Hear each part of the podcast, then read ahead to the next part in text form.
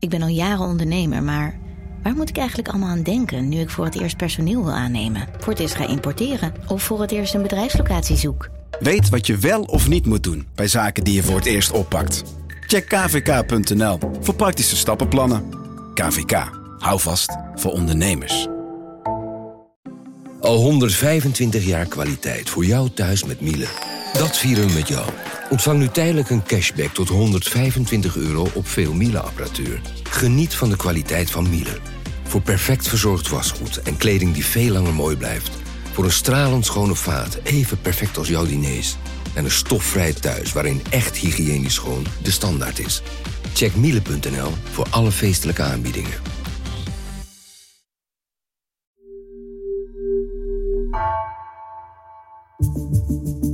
Vanaf de redactie van NRC het verhaal van vandaag. Mijn naam is Geertje Tunter.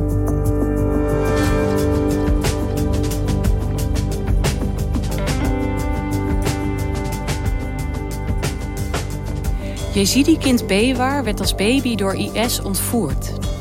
Zijn ouders verdwenen, maar zijn oudere broer Ali begon een jarenlange zoektocht die via Syrië voerde naar Turkije.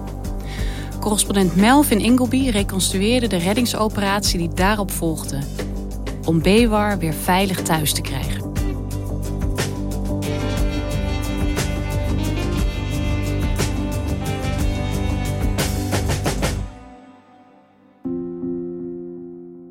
Het is december 2019, midden in de nacht. En er komt een auto vanuit Turkije naar de Iraaks-Koerdische grens gereden bij het plaatsje Habur. Op de achterbank zit een jongetje van vijf. Hij is bang, hij is nog wat slaperig, want hij heeft slaapmiddel gekregen. En aan de andere kant van de grens staat de familie van dat jongetje in spanning te wachten.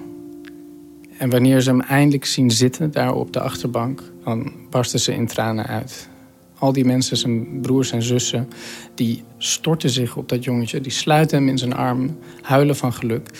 En dat jongetje dat begint ook te huilen, maar niet van geluk. Want hij heeft geen idee waar hij is. Hij heeft geen idee wie deze mensen zijn. Hij verstaat de taal niet. En die nacht vertrekt de familie met het jongetje terug naar huis. En daar hebben we een filmpje van. In het filmpje rijdt een man die heet Abdullah Srim. Dat is een smokkelaar. Um, zit aan het stuur en hij vertelt.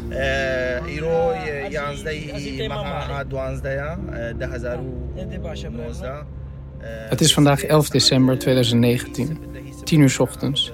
En we brengen Bewar Kazem veilig terug van de grenspost bij Ibrahim Khalil, dat plaatsje aan de grens. Hier zijn zijn vrienden en zijn familieleden. Ik hoop dat alle Yazidis veilig zullen zijn. En op de achterbank van die auto zien we het jongetje, Bewar, verward voor zich uitstaren. Hij is nog duidelijk in de war en bang. En voorin zit ook de oudste broer van Bewar, Ali. That, that night I remember I was so so happy.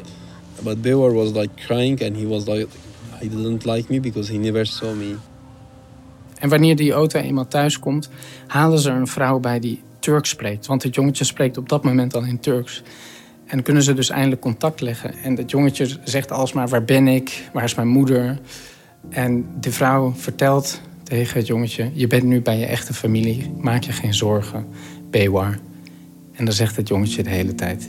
ik heet geen Bewar, ik heet Enes.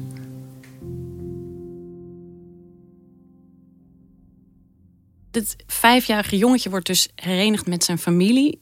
na jaren, vermoed ik, want hij spreekt niet eens hun taal... Wat is hier aan de hand? Bewar is een Yazidi. En net als duizenden andere Yazidis is hij ontvoerd door islamitische staat. Vlak na zijn geboorte. Toen hij twee maanden oud was, kwam IS zijn geboortedorpje in Iraaks-Koerdistan binnen. En sloeg de familie in paniek op de vlucht. Zijn oudste broer Ali vertelde me ook later... ze hadden niet eens tijd om afscheid te nemen. Ali vertrok in de tractor, de rest van de familie in twee auto's. Maar die auto's die werden onderschept door IS. Dus Bewar, het jongetje, zijn ouders, broers, zussen, de oma's... werden allemaal gevangen genomen en afgevoerd naar de plek Talafar.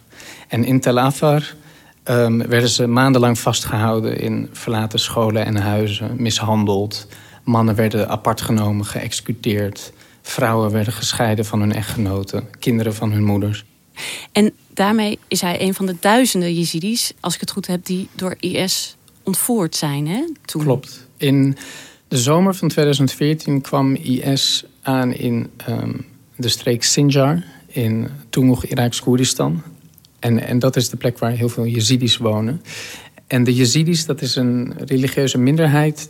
Ehm, en ze worden eigenlijk al eeuwen uh, verketterd door de rest van de bevolking. En met name door de um, Soenieten daar als duivelaanbidders. Dus IS die begon een gruwelijke vervolging van de Jezidis... die uh, ook door de VN is aangemerkt als genocide. Er zijn naar schatting 5000 mensen vermoord. Honderdduizenden sloegen op de vlucht. Een groot deel van hen vluchtte naar de berg van Sinjar. Een nietsontziende aanval op de beschaving. De massamoord in de islamitische staat op iedereen die anders denkt en wil leven. Drie weken nadat de wereld is opgeschrikt door de genocide op christenen en jezidis... zoeken overlevenden nog steeds naar veilige plekken. Misschien herinner je het ook nog dat toen een interventie heeft plaatsgevonden... om de jezidis daar te, te redden en van voedsel en water te voorzien. En ook werden heel veel uh, jezidis, met name vrouwen en kinderen... meegenomen, ontvoerd en als slaven verkocht... Dus veel van die vrouwen die zijn jarenlang seksueel misbruikt, verkracht. Um, veel van die kinderen die um, belanden eveneens in de handen van IS-gezinnen... die ofwel gewoon een kind wilden hebben... ofwel die kind als knechtjes gebruikten... of in sommige gevallen ook die kinderen seksueel misbruikten. Heel veel van de Jezidis die destijds ontvoerd zijn... die zijn nog steeds vermist. Het gaat naar schatting om zo'n 2800 Jezidis waarvan we niet weten waar die nu zijn. Een deel van hen is waarschijnlijk al dood, met name, met name de mannen. Maar er zijn ook nog enkele duizenden vrouwen en kinderen... die tot op de dag van vandaag nog ergens in gevangenschap leven. En hebben we vermoedens waar die mensen zijn? Want het kalifaat is er natuurlijk niet meer. Ja, die Jezidis die zijn eigenlijk over de hele regio verspreid. Die zijn eindeloos doorverhandeld. Dus ze zitten met name in Syrië natuurlijk. Uh, een deel van hen is in het noordwesten van Syrië beland, in Idlib en Afrin. Sommigen zijn in Saudi-Arabië beland. Maar er zijn ook Jezidis die in gevangenschap in Turkije leven. En Bewar was een van die Jezidis die in Turkije werd gevonden. En hij is dus in 2019 vanuit Turkije teruggebracht naar Iraks Koerdistan. Hij is thuisgekomen, hij is met zijn familie herenigd. Ja, hoe lukt dat dan? Hoe gaat zoiets in zijn werk? Om hun familieleden terug naar huis te halen, maken veel Jezidis gebruik van smokkelaars. Zelf noemen die smokkelaars zichzelf liever redders of bevrijders. Want het zijn veelal zelf Jezidis die ook zelf het slachtoffer zijn geworden van de genocide tegen de Jezidis. Zelf familieleden zijn kwijtgeraakt. En een van de meest beroemde uh, smokkelaars in die gemeenschap, dat is Abdullah Srim. Ja, en dat is ook de man die Bewar terug heeft gehaald. Precies. Abdullah is zelf ook Jezidi. 56 van zijn familieleden zijn um, meegenomen door IS. En op dat moment, toen hij erin slaagde om uh, vrij te komen... toen heeft hij eigenlijk al zijn uh, geld en contacten ingezet om hen op te sporen en vrij te krijgen. So he's saying, yeah, before ISIS was coming, I was a businessman doing business in Aleppo and Sinjar, and my financial situation was really good. Uh, but when ISIS came, 56 of my family members were under ISIS, mm -hmm. and I had to spend money on my own to rescue. En daardoor bouwde hij een reputatie op als de man met het geld en contacten. Maar nu, uh, ja, ik heb hem ontmoet in Iraks Koerdistan uh, begin dit voorjaar. En hij woont nu in een hele bescheiden woning naast een vluchtelingenkamp voor Jezidis. En bij hem thuis wonen ook wat Jezidis die hij gered heeft, maar die nergens meer terecht kunnen. Hij heeft eigenlijk zijn hele leven uh, gewijd aan het redden van, van die mensen. En hij zit de hele dag aan zijn telefoon. Want iedereen belt hem voortdurend met nieuwe verzoekjes om informatie. En hij is de hele tijd bezig met het opsporen van die Jezidis die nog altijd vermist zijn.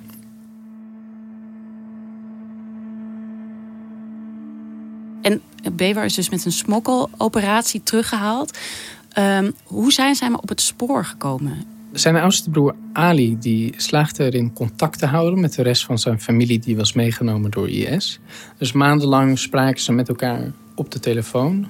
Dat kon dus wel? Ja, ze, ze konden nog wel met elkaar spreken. Totdat op een dag in april 2015 het ineens stil werd. Dus zijn berichtjes kwamen niet meer over, de telefoon werd niet meer opgenomen. En hij had geen idee waar zijn familie was. Totdat hij uh, diezelfde maand op Facebook ineens een bericht zag met een foto van baby Bewar. Uh, ingewikkeld in een rood dekentje, hetzelfde dekentje wat ook op een andere foto al stond. En hij herkende ook het gezichtje van zijn broertje meteen. Uh, die foto die werd op Facebook gezet door een Yazidi die probeerde meer informatie te vergaren over waar zijn geloofsgenoten beland waren. Die is er waarschijnlijk in geslaagd om een persoon naar de plek te sturen waar Bewar op dat moment werd vastgehouden. En dat was volgens hem uh, Syrië, waarschijnlijk in de stad Raqqa. Uh, dus ineens zit Bewar in Syrië. En Ali ziet dus die foto en die denkt, dat is mijn broertje. Ja, Ali die neemt meteen contact op en die besluit eigenlijk te doen wat heel veel Jezidis op dat moment doen.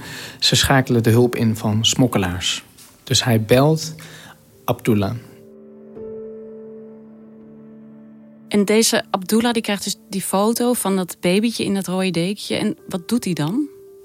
Nou, Abdullah die kent de man, uh, de Yazidi-man die die foto op uh, Facebook uh, plaatst. Dat is ook een smokkelaar, dat is een collega-smokkelaar. Samen proberen ze informatie te vergaren. Het blijkt dat die baby Bewar is meegenomen. En dat hij nu dus waarschijnlijk in Raqqa in, in Syrië zit. Maar veel verder dan dat komen ze eigenlijk niet.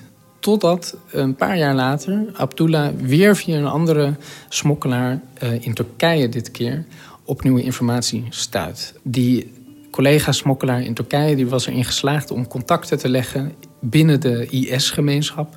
En Abdullah zei tegen hem: Weet je, neem die IS'er mee naar een restaurant en uh, zorg dat je hem goed dronken krijgt. Want ook IS'ers drinken alcohol.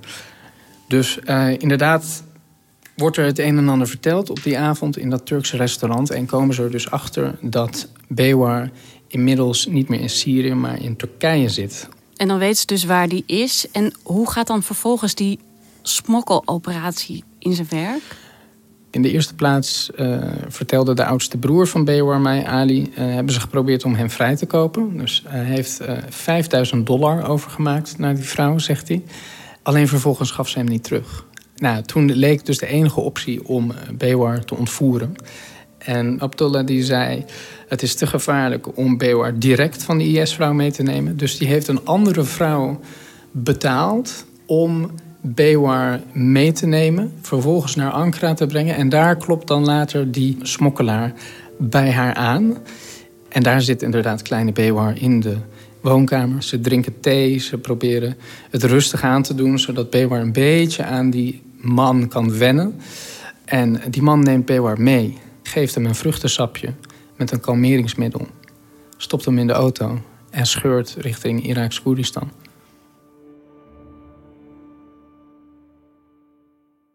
Want we hebben het hier over een jongetje dat dus door IS Turkije in is gebracht. Ik vond het best wel verrassend eigenlijk. Hoe belanden zij uh, überhaupt daar in Turkije?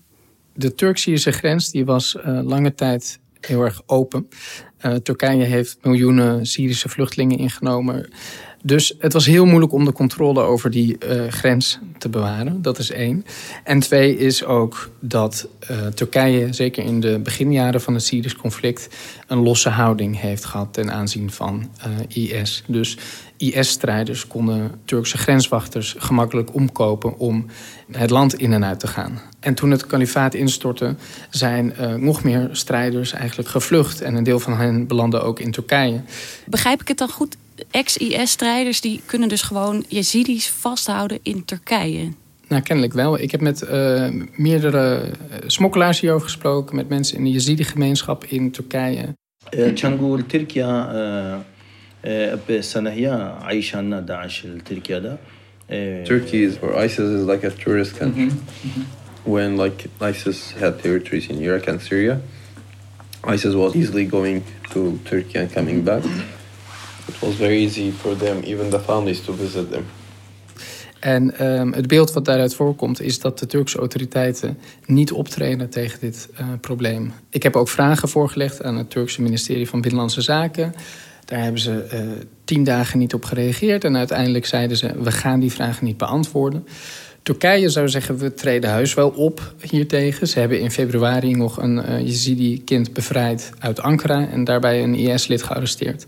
Maar ja, als je met uh, mensen in de Yazidi-gemeenschap praat... dan zie je een enorme frustratie dat er veel meer informatie is... over waar deze vrouwen en kinderen worden vastgehouden.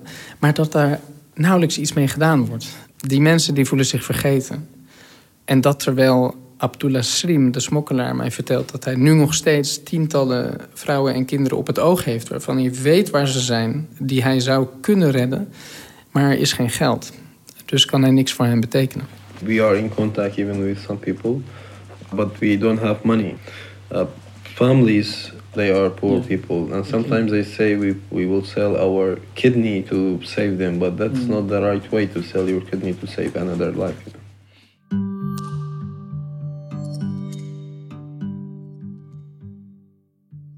Hoe gaat het nu met Bewar? Hij is natuurlijk ook zo'n ziet die jongetje dat onder de radar leefde in Turkije. Heeft hij zijn draai kunnen vinden bij zijn broer en zus? Nou, in het begin was het moeilijk. Bewar was altijd boos en altijd verdrietig. Hij was duidelijk ja, getraumatiseerd door wat hij had meegemaakt. Alleen naarmate hij Koerdisch begon te spreken, verbeterde de band met, uh, met Ali en zijn andere broers en zussen. En nu uh, vertelde Ali mij, kan hij het goed met hem vinden. En maakt hij ook vriendjes in het kamp waar hij, uh, waar hij nu in een tent woont. Want het gezin kan nog steeds niet terug naar huis, naar hun dorpje, nabij Sinjar. Omdat er nog steeds geweld is tussen verschillende milities. En ze, ze zijn doodsbang. Ze willen het risico niet nemen. Dus wonen ze voorlopig in een tent. Ja, dus hij woont nu in een vluchtelingenkamp. Ja, ik sprak dus eerst met Abdullah Slim, uh, die smokkelaar. En hij vertelde mij het hele verhaal over Bewar. En toen dacht ik, ja, ik moet Bewar zien. Dus toen uh, ben ik met mijn uh, Koerdische vertaler in, in de auto gesprongen. En zijn we naar het kamp gereden waar hij uh, woont nu met zijn broers en zussen. En we belden zijn oudste broer Ali. En daar verscheen Bewar, inmiddels zeven jaar, schitterend jongetje. Haar netjes naar één kant gekamd.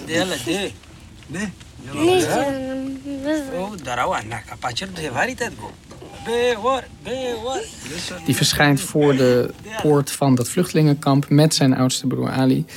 En dan maken we een wandeling um, door de velden rondom dat kamp. En dan uh, vertelt Ali ook nog eens zijn verhaal en alles wat er gebeurd is. Ik vraag nog, is dat oké okay als het kind erbij zit en zegt... ja joh, we hebben het over niets anders. Dus um, wij zitten daar uh, lange tijd te praten totdat de zon ondergaat eigenlijk. En wat is eigenlijk zijn toekomstperspectief? Nou, op zich gaat het nu redelijk goed met hem. Alleen zijn toekomst is nog steeds heel onzeker, want um, hij heeft nog steeds geen papieren. Op het moment dat hij terugkeerde naar Iraks Koerdistan, heeft zijn familie meteen een DNA-test uh, gedaan, waaruit bleek dat hè, ze inderdaad familie waren. Maar uh, de rechtbank in Mosul, een andere stad erkent dat weer niet, want dat komt van een Koerdisch ziekenhuis. En uh, er zijn spanningen tussen de Iraakse en Koerdische autoriteiten. En het gaat allemaal stroef. Dus ze moeten naar Bagdad voor een nieuwe DNA-test. Daar hebben ze geen geld voor, want ze hebben al het geld uitgegeven aan hè, uh, het vrijkopen, het mislukte vrijkopen en de smokkelaars. Dus ze zijn um, platzak. Maar op zijn minst uh, heeft Bewar nu weer zijn broers en zussen al zijn één broer en één zus en ook zijn ouders nog altijd uh, spoorloos verdwenen. Ja, de kans dat, dat, dat hij hen ooit nog gaat terugzien, het lijkt dan niet groot, denk ik. Ja, daar heeft uh, in ieder geval de broer Ali weinig vertrouwen in. Dat was toch wel de sombere conclusie van dat interview. En nou goed, toen we terug naar de auto liepen, toen vroeg ik eigenlijk als een van de laatste vragen nog aan, uh, aan Ali: wat betekent Bewar eigenlijk? Wat Bewar mean? Want uh, toen Bewar aankwam, toen dacht hij dat hij Ennis heette. En nu zit hij de hele tijd vrolijk zijn naam te roepen. It. En toen glimlachte Ali en die zei dat dat is een samenvoegsel van B en war. En dat betekent uh, in het Koerdisch zonder thuisland.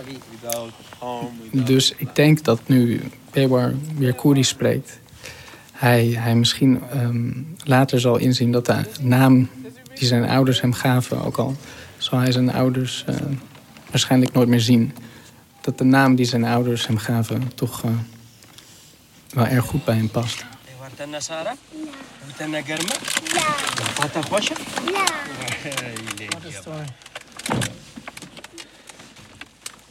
Dankjewel, Melvin. Graag gedaan. Je luisterde naar Vandaag, een podcast van NRC. Eén verhaal, elke dag. Deze aflevering werd gemaakt door Nina van Hattem, Tessa Kolen, Iris Verhulsdonk, Wijken van Koolwijk en Jan-Paul de Bond. Dit was vandaag, morgen weer.